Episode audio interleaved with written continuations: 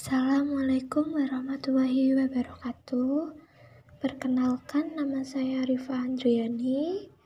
Saya dari Fakultas Ilmu Sosial dan Ilmu Politik. Jurusan Sosiologi kelas 1F dengan nomor induk mahasiswa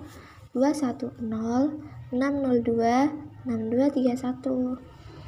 Di sini saya akan menjawab pertanyaan yang diajukan untuk memenuhi tugas atau ulangan akhir semester pada mata kuliah pengantar sosiologi, yaitu tentang kenakalan remaja. Kenakalan remaja ini penting dibahas karena pada zaman ini banyak remaja yang melakukan sesuatu seenaknya sendiri. Hal ini tentunya termasuk ke dalam kenakalan remaja, dan perilaku tersebut merupakan perilaku yang menyimpang atau tercela. Masa remaja adalah masa di mana seseorang manusia sedang berada dalam pencarian jati dirinya, ingin mengenal lebih dalam siapa dirinya sebenarnya. Seorang manusia dikatakan remaja jika ia sudah menginjak usia 17 tahun atau lebih dari 17 tahun.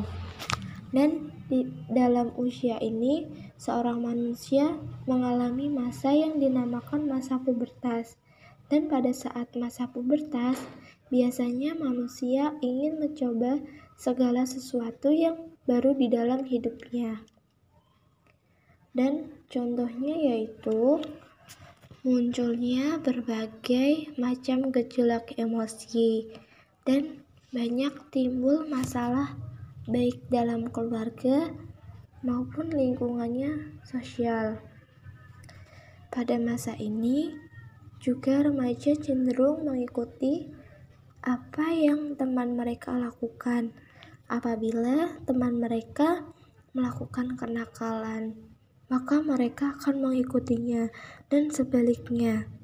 Sehingga banyak remaja yang terjerumus ke dalam kenakalan remaja saat ini.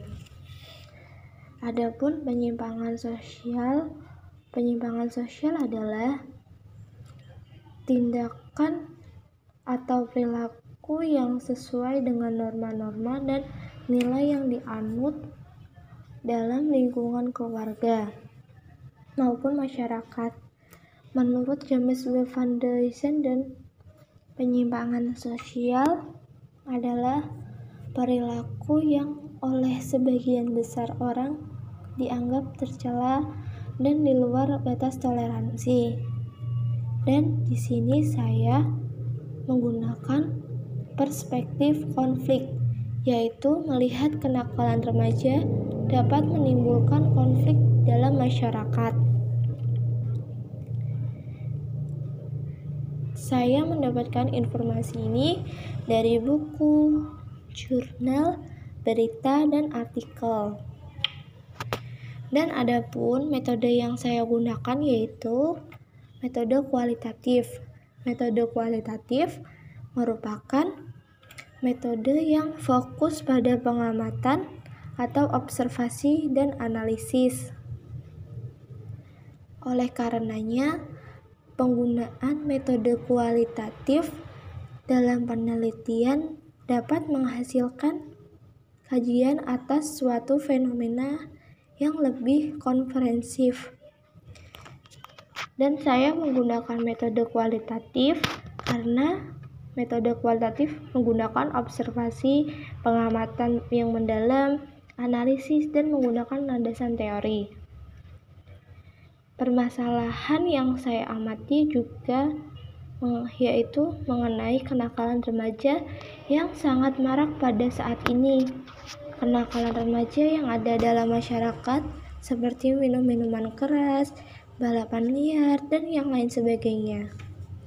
Hal ini terjadi karena pengaruh dari lingkungan mereka sendiri.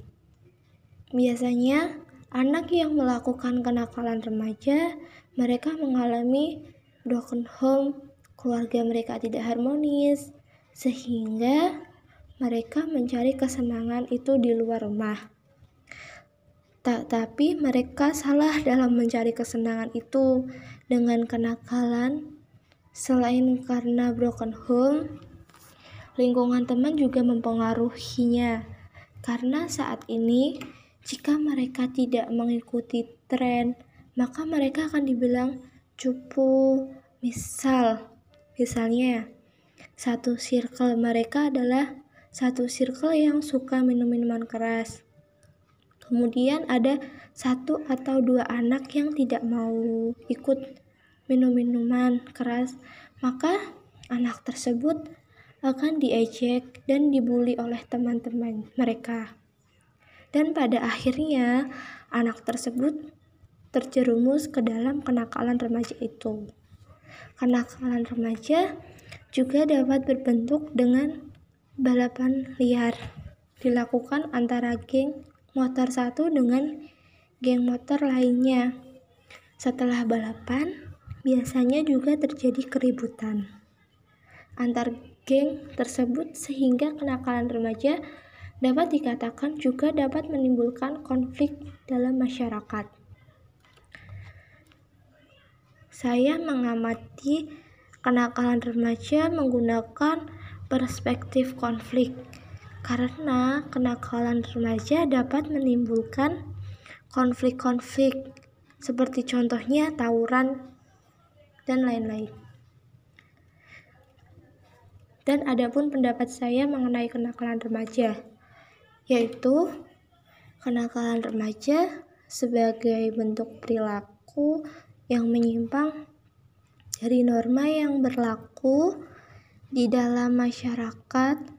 Kenakalan remaja juga dapat menimbulkan konflik-konflik sehingga kenakalan remaja harus diatasi mulai dari keluarganya, ataupun jika anak tersebut sudah melewati batas, maka pihak keluarga harus melibatkan aparat hukum.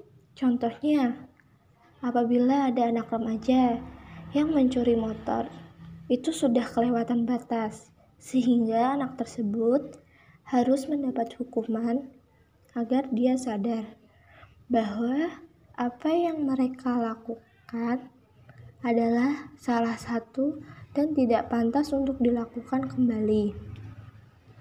Saran saya untuk persoalan ini yaitu keluarga harus lebih mendidik anaknya agar tidak terjerumus ke dalam kenakalan remaja dan apabila sudah terjerumus dalam kenakalan remaja, keluarga juga harus berbicara kepada anak tersebut agar tidak melakukannya kenakalan remaja lagi.